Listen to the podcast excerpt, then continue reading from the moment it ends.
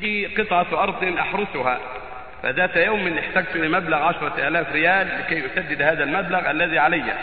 ثم رهنت الأرض بعشرة آلاف وسددت هذا المبلغ الذي علي. ثم آه عندي قطعة أرض أحرسها.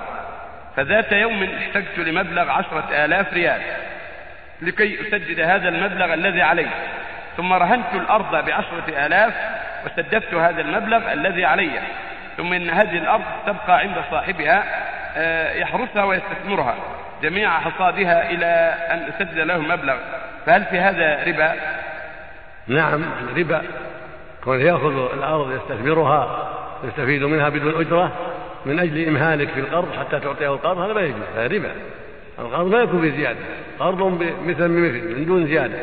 أما أن يشرط عليك أن ينتفع بالأرض ويستعملها حتى تؤدي إليه هذا مثل ما إذا قرضته ألف بألف ومئة أو ألف ومئتين هذا ربا ما يجوز. نعم. واستعملها رهن والذي يسموه يقول إقالة إنه يعني شبه بيع إنه في عليها الوقت المعلوم.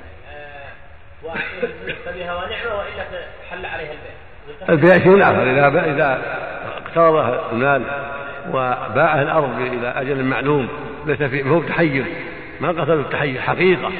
مو بتحيز على أنه يستثمرها ويعيدها إليه. بل حقيقة باع عليه وجعلها خلال شهرين ثلاثة. إن وجد المال ولا قرض له ما في بأس أما إذا كان حيلة ما يجوز. لا تكون لا الثمرة لصاحبها من له لأن هذه يتخذ حيلة. فالثمرة للبائع لا للمشتري. حتى لا يتخذ حيلة.